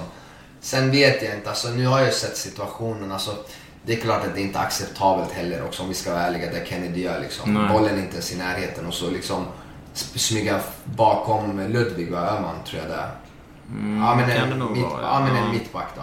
Och så liksom armbågar honom i ryggen när Mm. inte ens det är någon situation och något hot alltså. Det tycker jag är ganska fel. Det är ett överfall. Det är ju ett överfall liksom. Är det fyra matcher? Tre? Två? Alltså jag tycker att det borde, i så fall om man ska gå in i efterhand för att det är regler som säger att om domaren inte ser det så får de ju gå in i efterhand. Det har ju hänt tidigare. Det måste ha hänt tidigare att spelare fått eh, Jo men här är, ju, här är ju ett fall av att eh, det är väl... Eh, vem som helst kan ju anmäla. Mm. Och jag tror att anmälan kommer in 20 dagar efter incidenten. Lite som att du kan gå in och anmäla... Du ja, kan men, väl- Okej, okej. jag förstår. Är du med? Men jag tycker att då borde det vara att man gör en regel att okej, när, när sånt här händer. Jag tycker att det ska vara straff. Alltså jag tycker att han ska straffas för det här. Men inte att vem som helst kan få anmäla. Borde det inte vara dom... Alltså, Jo, då borde det vara någon regel som säger att det är bara de i laget, att spelaren själv kan bestämma. Men som en misshandel på stan liksom. Ja, Men jag, jag vill inte anmäla honom. Alltså den som har blivit... Du vill ha det på det sättet, inte att det Ja är men något sånt, något ja. sånt. Och att man har kanske 48 timmar på sig att anmäla. Mer Inte tidsaspekten. 20 Efter 20 Nej, det är li- dagar det är lite- och så kommer en anmälan. Ja ah, du, det här hände förra året. Nej nej, det är fel. Det är lite som att du skulle anmäla Jotun nu för en armbåge mot Mange Eriksson för att du ska Exakt, slippa honom. Ja, men exakt, du ska typ slippa honom. Nej nej, det är helt fel. Men jag tycker att man, man kanske borde ha en, en 48 timmar på sig att anmäla incidenten. Mm. Och att ett beslut ska fattas liksom innan deras nästa match. Skulle du kunna tänka dig anmäla en spelare? Alltså, Eller hur långt får det min gå då? första tanke är så absolut inte, men samtidigt alltså kommer någon bakifrån och bara skalla mig eller armbåga mig i nacken eller vad som helst och bollen inte ens i närheten. Alltså jag är inte sån, jag hade väl men jag, ja, jag hade fan kunnat göra det om det är sådär brutalt. Alltså, det, varför det, det hör inte? inte hemma liksom på en Nej. fotbollsplan. Sen tycker jag att det Kennedy gör, det är inte okej alltså. Jag vet inte hur man kan försvara det. Men att efter 20 dagar, sen fattas ett beslut, Axén får reda på det matchdagen. Det är ju katastrof. Så jag håller med Axén liksom. Det, det är jättedåligt gjort. Alltså skött. Men eh, jag tycker ändå att det ska vara straffbart. Det borde liksom vara som ett rött kort, en match, minst en match eh, avstängning. Men inte så här fyra matcher och efter 20 dagar. Så det är väl mer sättet som de är, tror jag, irriterade på. Men att det ska kunna gå att anmäla och att det ska vara straffbart tycker jag ändå borde vara kvar. Oskar Isaksson, nu när vi ändå är inne på Örebro. Han eh, skickade in en fråga innan. Vad var det som inte stämde i samarbetet mellan forward och ÖSK? Eftersom det naturliga valet borde vara att gå till ÖSK. Ja, alltså grejen var jag växte ju upp i Örebro min dröm var ju att spela i Örebro. Alltså jag stod i klacken många gånger, jag var nästan på varenda match, det var ändå allsvenskt lag och så vidare. Men eh, jag stod mig i kö för att få autografer av Niklas Skog, Per Gavelin och så vidare. Men eh, det som var var egentligen att jag gjorde en jättebra säsong när jag var, tror jag, 15, eller jag var 16. Eh, Gjorde 8 mål på 12 matcher i division 1 många gånger mitt framför ögonen på, på Örebro som, som var där och scoutade liksom. Tror jag gjorde hattrick när de kom och kollade. Fick jag reda på, på av agenterna att de skulle Vad har komma du för kolla. position då? Jag var ytter. Högerytter. Ja. Och eh, ja, det var ju division 1 liksom. Och eh, nej, alltså vad ska jag säga? De var inte intresserade. Nej. Då kom Hasseborg direkt efter de här 12 matcherna. Eh, då låg vi på andra plats i division 1. Och division 1 då var väldigt starkt. Alltså det var Syrianska, Assyriska, kommer det var Väsby United. Det var många bra lag. Eh, och Hasse kom och sa men jag vill ha det liksom. För Hasse har en vän, Gigi heter han, som, som jobbar liksom med forward fortfarande. Som ringde Hasse och bara du jag har en spelare, du måste komma och kolla på honom. Hasse kommer, kollar och så signar han mig på plats. Mm. Eh, och då har Örebro haft liksom ett halvår på sig och, och se mig och ändå ta en första kontakt men det fanns ingenting. Den enda kontakten de tog var precis efter att Malmö hade tagit kontakt med mig och då kände de kanske att fan vi måste approacha honom i alla fall. Men då minns jag att pappa tog luren och var jättearg och skällde ut liksom sportchefen och det, alltså att det var liksom varför ska min son flytta fem timmar bort när, när ni liksom ignorerar och inte bara han, det finns jättemånga duktiga spelare Jimmy, var, Jimmy Dumas Jimmy var likadan. Ja, Ja. Och det var inte bara, alltså, det, du vet, Forward har fostrat jättemånga fina spelare men väldigt få har gått till Örebro, då i alla fall. Jag tror vi var sju, åtta spelare som försvann till andra allsvenska superettaklubbar. Ingen var från, till Örebro. Så många var såhär, ja men det är pengafråga och Örebro kunde inte liksom konkurrera med Malmös lön. Men det och så. Det hade ingenting med det att göra. Det var bara att Örebro var för sena och de... Samtidigt så, så var det här Örebro för åtta, eller för tio år sedan. Ja. Det är inte det Örebro som är idag. Det är Nej. helt andra människor som är i föreningen. Nu har jag jättebra kontakt med dem. Jag är jättestolt och jätte, liksom, glad att Örebro har ett allsvenskt lag som, som är, det, är ett bra lag, fin förening, grymma människor som, som styr och ställer. Så nu är det bara, det är inga hard feelings. Men det är klart att en dröm var krossad när man var yngre och att man, man men det är det bästa jag gjort samtidigt, att flytta till Malmö. Är det ditt lag eller? Nej, inte Eller vill du spela där i... Eller är det Jag sa det att min eller? kärlek försvann när de, när de Ah, okej. sa att jag var för liten. Då, de sa faktiskt att jag var för liten. Men om du säger att eh, det var ditt bästa beslut i karriären att du gick till Malmö. Vad är ditt eh, sämsta beslut i karriären än så länge? Den är jobbig alltså. Om du fick ändra en sak det är jobbigt. Jag gillar inte jag ångrar aldrig någonting. Men alltså det är klart att min, min period i Hoffenheim kanske inte var vad jag hade önskat. Jag var i en period där jag var i en fantastisk, alltså jag var i fantastisk form. Grymt självförtroende. Jag var 23 år liksom och hade stora drömmar. Eh, det är jobbigt för mig bara att sitta och prata om det. Alltså jag mår skitdåligt men samtidigt, jag hade ju samma val idag för att jag hade jättemånga föreningar som var intresserade. Många bra klubbar. Men valet föll på Hoffenheim för att tränaren satt med mig en timme och liksom förklarade hur viktig jag skulle vara för det här laget. Att allting var topp. Jag fick en, en alltså ekonomiskt sett var det fantastiskt bra för mig, över förväntan. Eh, allting var bra liksom. Så på pappret innan så var det liksom, det var klockren. Så därför hade jag tagit samma beslut. Men samtidigt ibland när saker och ting ser perfekt ut på pappret behöver inte vara det i praktiken heller. Utan, så det var massa olika faktorer som spelade in. Men jag är ändå tacksam för de, de tre åren jag hade i Tyskland. Men det är väl i så fall att det kanske inte gick som, som förväntat. Men det är ingenting jag ångrar egentligen. Alltså. Sen har jag ändå fattat, tillsammans med mina agenter som, som jag har, har jag ändå lyckats ta rätt beslut. Som att förlänga mitt kontrakt i Malmö, inte dra för tidigt, dra till Tyskland och så vidare. Så det känns ändå som att vi har haft koll på, på det mesta. Men kan du grubbla på den tiden fortfarande? Så som du säger nu att det är jobbigt att Ja, prata, ja. prata om den. Ja, ja, jag tycker att det är bra att prata om, om svåra, alltså svåra saker men, men eh, det jag kan grubbla på mer är att jag inte blev rättvist behandlad typ. Alltså utav tre tränare så... Jag hade väl alltså, jag vet inte. Det, det är mycket, alltså utomlands det, det är annorlunda alltså. Det är jättemycket som är annorlunda. Jag kommer tillbaka efter en skada, jag är borta åtta månader. Jag ger mig två veckor i träning och den tränaren som är där han, han blir liksom kär i mig. Jag spelar alla matcher och så är jag tvungen att avgå precis när allting, livet leker. Och så kommer en ny tränare och då har han valt sina egna spelare. Så det är också mycket så här. man förtjänar tur men det, det är också mycket, det kan vara oflyt också. Jag kommer ihåg den här, jag hittade faktiskt en gammal artikel när du, jag skrev om att du skulle gå till Hoffenheim. Du ville inte riktigt bekräfta det då. Så jag kommer ihåg att du hörde av dig till mig efteråt. Ja, det var i Ja, oktober. exakt, just, just. Och sen snackade vi när... eh, Du gjorde comeback i Leverkusen. Mm. Eller mot Leverkusen. Gjorde ju mål. Det var efter, mot, under Hubba. Sen fick han sina eh, hälsobekymmer. exakt. Så att Det är också klart- en grej, det, det gick från att liksom, jag kommer tillbaka från en skada. Han säger först till mig att jag ska gå på lån. Ja, exakt. Ja. Och, och sen ångrar han sig för att han ser mig ännu mer i träning. Och så helt plötsligt får jag nummer 10 roll. M- Mot ett igen, I ett genrep där jag gör mål. Och sen får jag starta i liksom hans första Bundesliga-match, liksom, eller i premiären om man säger. Eh, mot Leverkusen. Mål efter hörna från höger. Mål efter hörna, exakt. Och efter den matchen så var det helt andra toner då. Liksom. Jag alltså, sprudlade av glädje och självförtroende på träningar. Fem matcher i rad, start.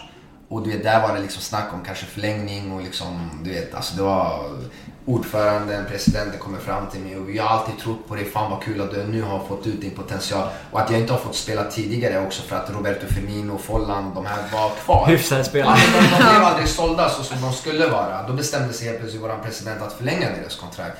Hur som helst så, så ja. fick han ett problem och så kom en ny tränare. Så Ja. det går fort. Du har, gjorde en lång intervju med Niva. Du pratade en hel del eh, Kurdistan och, och sådär. Eh, Dalkurd och... Du har gjort Inside Hammarby med, med Leif. Är det någonting du känner att du ville säga som du inte fick ut i de två? Eller känner du att du fick fan- sagt allt? Ja, jag har fan snackat jättemycket där alltså. Det är väl nästan allt alltså. Jag, jag kommer inte på någonting nu så här direkt. Men... Eh, Du ställer ju upp väldigt mycket. Vi pratade om det innan när vi rullade igång. Du är Mm. överallt. Du pratar överallt. Nej men jag sa det innan alltså, jag har inga problem alltså. Är det någon som vill, vill prata med mig, alltså jag uppskattar det bara. Alltså man får väl, jag vet inte, jag tycker ändå att vi har ändå, vi spelare har ändå ett ansvar. Och, och liksom ställa upp på, på sånt här och, jag vet inte, prata om viktiga saker. Okej nu pratar vi om fotboll men... Det är viktigt många är.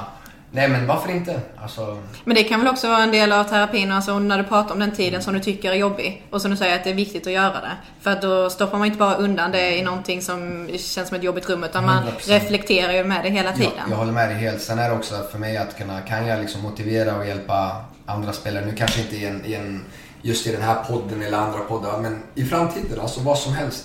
Jag är jätteöppen för att, för att öppna upp alltså mig själv, mina erfarenheter, vad jag gjort bra, vad jag gjort dåligt för att andra ungdomar ska kunna lära sig. Så därför tycker jag ändå att jag, jag kan prata, jag kan vara öppen och ärlig, alltså jag har inga problem med det. Tycker du att du får sagt allt du vill?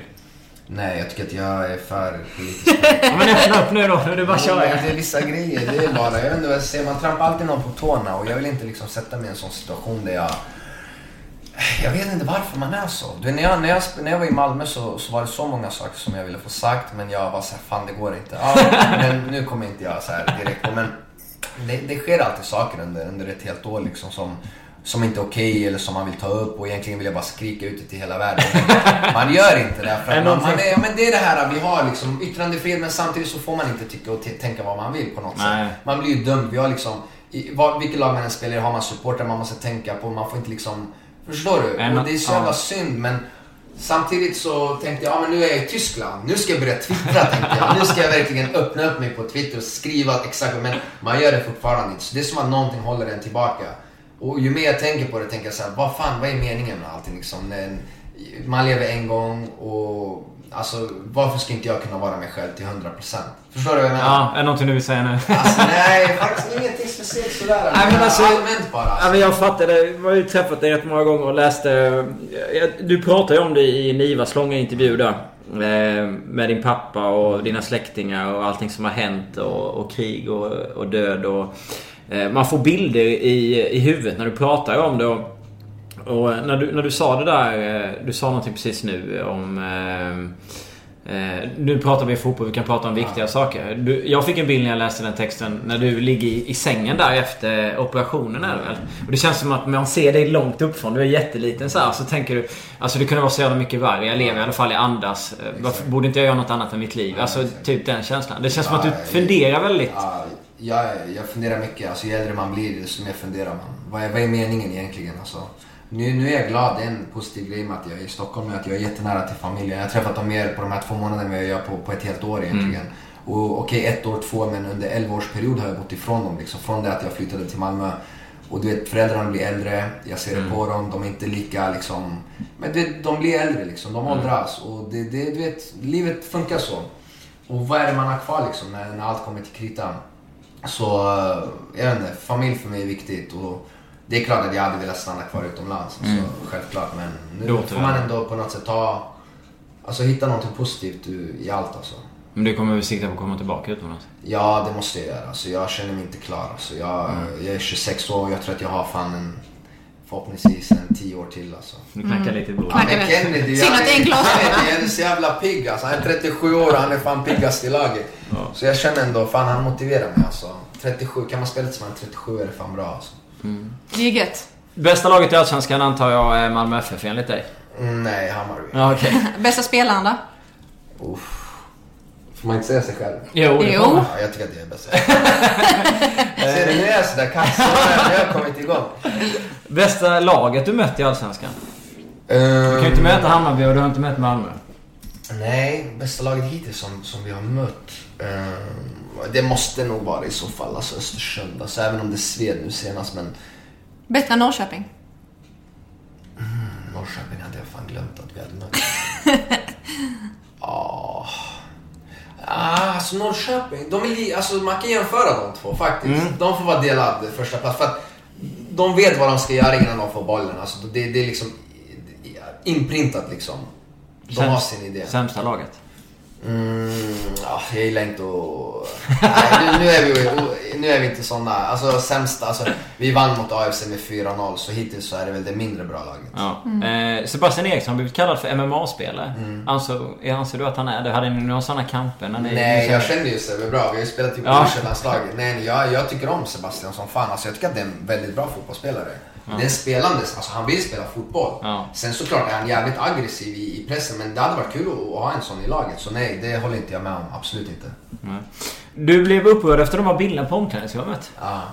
Uh, jag, alltså jag vet, jag har bara sett någon stillbild. Jag såg inte det där och jag vet inte exakt vad du har sagt heller, men jag hörde... Nej, men jag sa typ att, eh, alltså faktiskt innan det här hände med Björn. Ja. Så när jag kom tillbaka så märkte jag att det fanns kameror i omklädningsrummet och det var det inte så för tre år sedan. Nej. Och då kände jag bara så... Vad, är min frihet? för- Ja, ja, men alltså, Du har aldrig varit med om det innan? jag har aldrig varit med om det innan. Och att man tillåter, för mig är mer frågan så här, hur kan man tillåta, alltså nu kanske det är bara så här, C More och de vill ha liksom en upplevelse för publiken och sådär. Ja, de kanske filmar 10 sekunder på en hel match så det är inte värsta grejen på det sättet. Men för mig är det bara att, bara att låta någon komma in med en kamera i omklädningsrummet. Alltså det är så här, vad, vad fan vad händer där alltså? Hur kan man gå med på det? här? Alltså hur kan man gå med på det? Det är så man liksom går med på allting. Alltså förstår du Du menar att man säljer sig lite? man säljer sig lite, Ja. ja. eller ganska mycket Ja, ordentligt. Alltså det här är ändå våran heliga plats liksom. Ja, det är ju redan så. Och vad är meningen? Alltså jag, jag köper inte det där. Jag tycker att det är För katastrof. jag tycker ju som själv som journalist när jag är på en fotbollsmatch att jag vill, även om någon säger att du kan gå in i omklädningsrummet så vill jag inte riktigt gå Mm, in i omklädningsrummet. För det är ju ert Ja, omklädningsrum. exakt, exakt. Jag står ju hellre ute och Men väntar. någon, någon distans måste man väl ha. Ja. Sen känner jag bara så här, vad, vad ska de in där och göra? Och, och du vet, det är inget ljud. Det är, alltså, det är så här, de spelare går runt bara. Alltså, jätteonödig grej.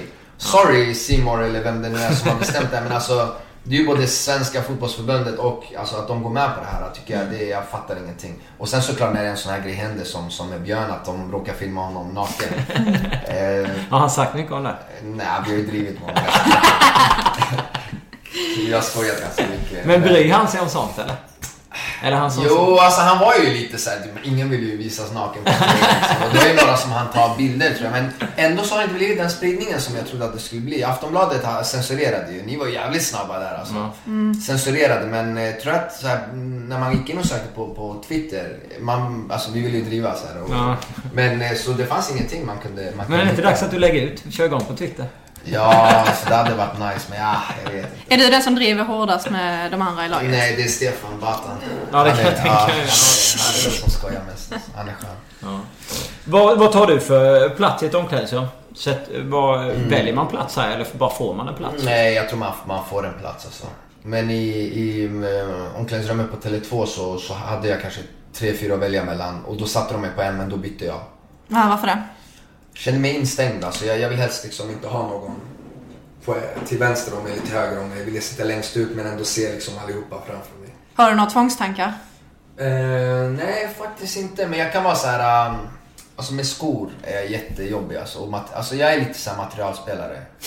Eller alltså, jag är typ så här shortsen måste sitta på ett visst sätt. Strumporna, herregud. Vissa strumpor är så här, hur, hur gör de? Alltså, till, du, du, kan dra, upp- du, kan dra upp dem hela vägen upp till låret. Alltså, jag hatar när det ska sitta tight och de ska vara korta. Så, med vissa saker så har jag så här, ja men det ska vara på ett visst sätt. Och tar jag med mig typ tre par skor till en bortamatch så vet jag inte vilken jag ska använda. Tre par skor? Ja men exempelvis, nu tar jag med ett bara. Ja. Så händer något med dem då är jag kär. Eh, fulast i Allsvenskan? Alltså fullast eh, utseende. Utseendet är väl lite taskigt eller? Eller vill du plocka en? Nej, fullaste spelare. Um, uff, jag måste tänka nu här. Jag har sett, vem är det som, som går runt och kapar folk tänkte jag. Nej men, eh, säg några namn alltså. Nej, vi får inte... Jag vill inte leda dig in på någonting. Jag bara känner att du... Uff, har jag missat någon? Det känns som att det borde finnas någon. Ja, men någon, någon, Någon som ni har mött nu ja, då? det är kanske lättare för dig någon som du har mött än Ja. någon som... Eller ta någon som du inte har mött. Nej, jag vet inte alltså. Var det någon som var... äh, inte någon i derbyt som du känner... Nej men, eh, ah, nu vill inte jag hänga ut någon spelare. Det var nära där alltså.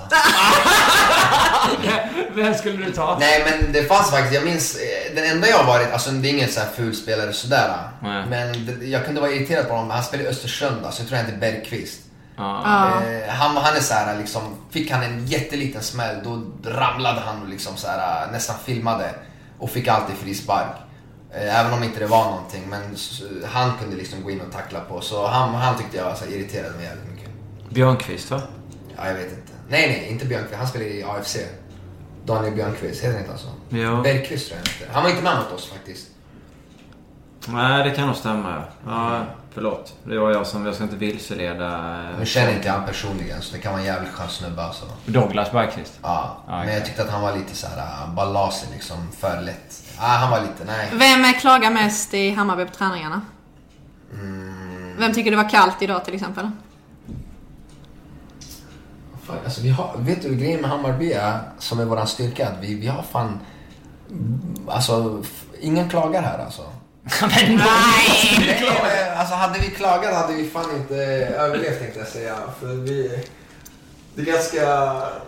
Nej, jag kommer inte på någon sådär. Ingen som är klagig? Alltså jag är ärlig, jag lovar, jag hade sagt det alltså, 100% Men nej, det är ingen som klagar alltså. vi, vi har faktiskt jävligt eh, många som är så här bra inställning. Vem är mest fåfäng? Uff, alltså som så här, det ska se bra ut och sådär. Oh, jag vet inte. Arnold kanske är smal alltså, men han ser ju bra ut. Vadå, jag kallar honom... är det då legitimt att vara mer då, nej men då petig? känner jag ändå så ja men fan han vill ta hand om sig själv liksom. Och jag brukar kalla honom Brad Pitt. Så han är skön, det är Hollywood alltså. Men han, ser, alltså, han, har, han har den där, du vet, vissa har bara den här utstrålningen. Sämst stil? Hon bara mm. Sämst stil? Åh, jag vet inte. Alltså stil, klädstil. Ja, men typ. Oh. Som bryr sig minst. Alltså jag tror Aido är väl den som kanske inte bryr sig när han kommer till träning. Han kan komma med mjukis varje dag. Sjukt vältränad snubbe däremot. Alltså herregud, jag har aldrig sett något. alltså han, det, det är det sjukaste jag sett. Alltså, ja. Hans armar och hans, alltså det är sjukt. Vilken, vilket monster. jo men alltså vilket monster det där är. Jag har aldrig sett en sån kropp. Nej, men jag såg det på i, eh, vårt program där han var inside. När han springer på löpbandet. Ja, men han ligger ner också och kör. Ja. Det är då eh, Leifby kallar honom för Brian Adams. Sångaren. Ja, Okej, nej nej han är faktiskt jävligt alltså, stabil alltså. Om du fick ta med dig en av eh, spelarna då till en öde, vem hade du klarat Leva ett av? helt år. Du och han va? Bara mys tillsammans och... Jag tagit med Junior. Bara softat med Junior, han är så rolig. Ja, honom hade jag tagit med. Men hade han klarat sig bra? Är han en överlevare? Ja, det tror jag nog. Det tror jag nog. Han hade inte klagat för fem öre. Han hade bara lekt och solat? Ja. Eh, snällaste spelaren du mött? Nu är det eh, svårt för det har bara gått sju omgångar men. Den som du känner, fan det är rätt schysst snubbe att snacka Ja, skit. då skulle jag säga Broa Nouri. Mm. Östersund. Jättefin kille och ja, man kan ändå snacka lite med honom under, plats. Sen är det ju att vi båda är kurder också, att vi kan ha en connection. Men han är faktiskt en, en fin spelare med, med stort hjärta. Och duktig. Ja, jättebra spelare. Underskattat så. Eller underskattat, folk har ju ändå... ehm, Börjat få mer koll på honom. Ja, men exakt, exakt. Och det tycker jag att han förtjänar för han gör väldigt mycket i Östersund. Har du reagerat på någonting du fått höra på plan nu efter sju omgångar från någon som du bara what? Eh, Uh, faktiskt inte. Det har varit ganska lugnt. Jag brukar inte hamna i så här... Uh, Du känns som en snäll, reko ja, jag är kille. ganska snäll på planen. Lugn. Ja, ja, ja. Eller jag kan ju gå in i dueller. Ja men en bra karaktär på så vis att eh, du är ju... Det känns lite som att du kanske... Alltså det är klart jag kan tänka mig att... Eh, du springer ju givetvis fram till domaren och gnäller för att ni inte får straff. Men det känns som att du är lite på planen... Jag ska inte säga som att du är exakt som du är utanför planen. För här känns det ändå som att du är en väldigt stand-up eh, guy inne på planen. Så kan jag tänka mig att det kanske slår över lite ibland givetvis. Men... Jag har känt på mig själv att jag kanske har klagat lite för mycket på domarna alltså. Jag har mycket så här eh, gester och du vet, så jag har fått mycket liksom av domarna. Hej, gör inte sådär. Men, eh, och någon gång kanske jag borde ha fått kort men de inte har gett mig kort. Känner du att du får mindre kort nu för att du kommer utifrån och hem? Det är många som snackar om att när man kommer hem som utlandsproffs, man har varit med ute och då, då är domarna lite annorlunda mot en. Under försäsongen, ja definitivt. Svenska cupen, definitivt. Men nu när Allsvenskan har börjat, jag mm, har väl inte varit i så många... Jag har ju fått ett gult kort redan. Eh, vad, vad var det för? Ah, jag sparkade bort bollen mot AIK, jätteonödigt. Men nej, det är ganska okej ändå. Ganska okej, inte sådär... Hur mycket kommer ni vinna med mot eh, Halmstad då? Oh, Kommer du göra mål? Jag tror ni får svårt. Ja, jag, tror jag tycker med att det är en lir i botten Alltså Halmstad också. måste ju få... Vad är det med er? Ja, men det är ni. Typ Ja, men alltså, Halmstad måste ju få lite... eh, Halmstad, eh, jag, jag trodde bara för att Halmstad har haft många matcher där de... Jag ska inte säga att de har spelat ett sprudlande anfallsspel, men de har inte gjort mål. Och någon gång kommer ju alltid den jävla Jo, men det, ketchup-effekten. det är sant, men inte mot oss tyvärr. Nej, okej. Nej men det är klart att vi har respekt för Halmstad. Det är inte så att vi tänker ja vi ska till Halmstad och slå dem med 2-3 Örjans vall också. Nej nej, vi, jättestor respekt. De, de eh, förlorade mot, eller oavgjort mot Djurgården var hemma. Nej, 0-1. Sent. Nå, ja, sent. När de hade nästan hade, det, var, ga- det var ett rån liksom. Alltså de, borde, de hade nästan kunnat vinna den matchen. Och sen är, är det de som, de har slagit Östersund hemma.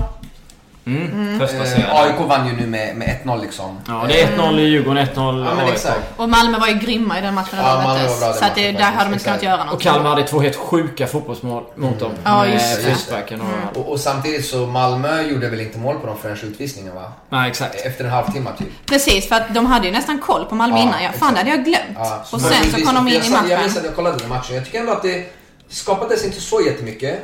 Alltså chanser. Direkt efter utvisningen och sen målen Malmö gör också, det är, så här, det är ett klassmål liksom. Mm. Så det, det kan man inte försvara sig mot. Alltså en vissa där och sen skott utifrån av Pavel tror jag det var. Ja, och exakt. sen alltså, eh, klackade han fram till Rosenberg va? Exakt. Mm. Men eh, nej, nej, det kommer bli en jättetuff match. Men jag tror att vi, vi passar ändå på något sätt att spela mot Halmstad. För ah, vi, vi kommer ändå ligga bra, de har inte gjort så mycket mål, de har lite Nej, men det kan- där. det kan köpa. ändå kanske liksom... Ah, vi får se. Vi får ni se. inte får övermod.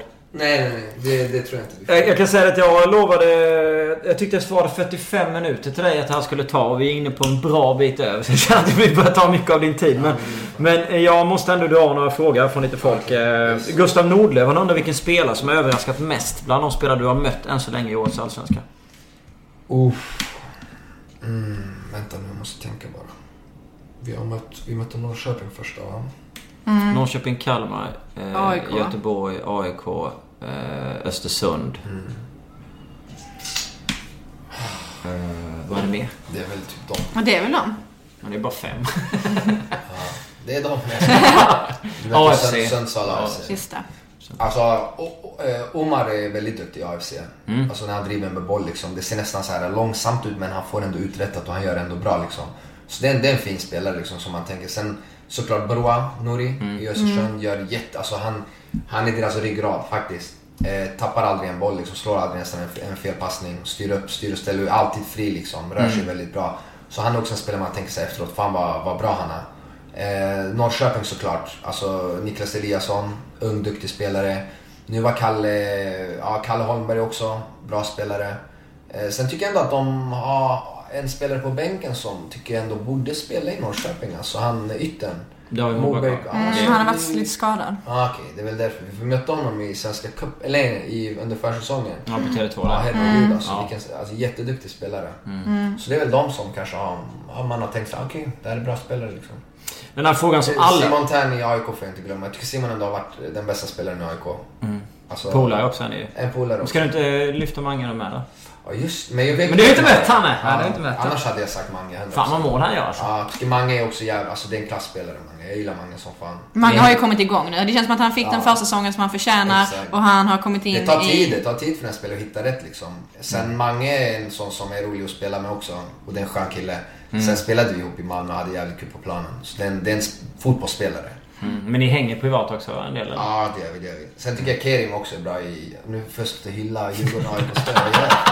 Nej men Kerim är också bra.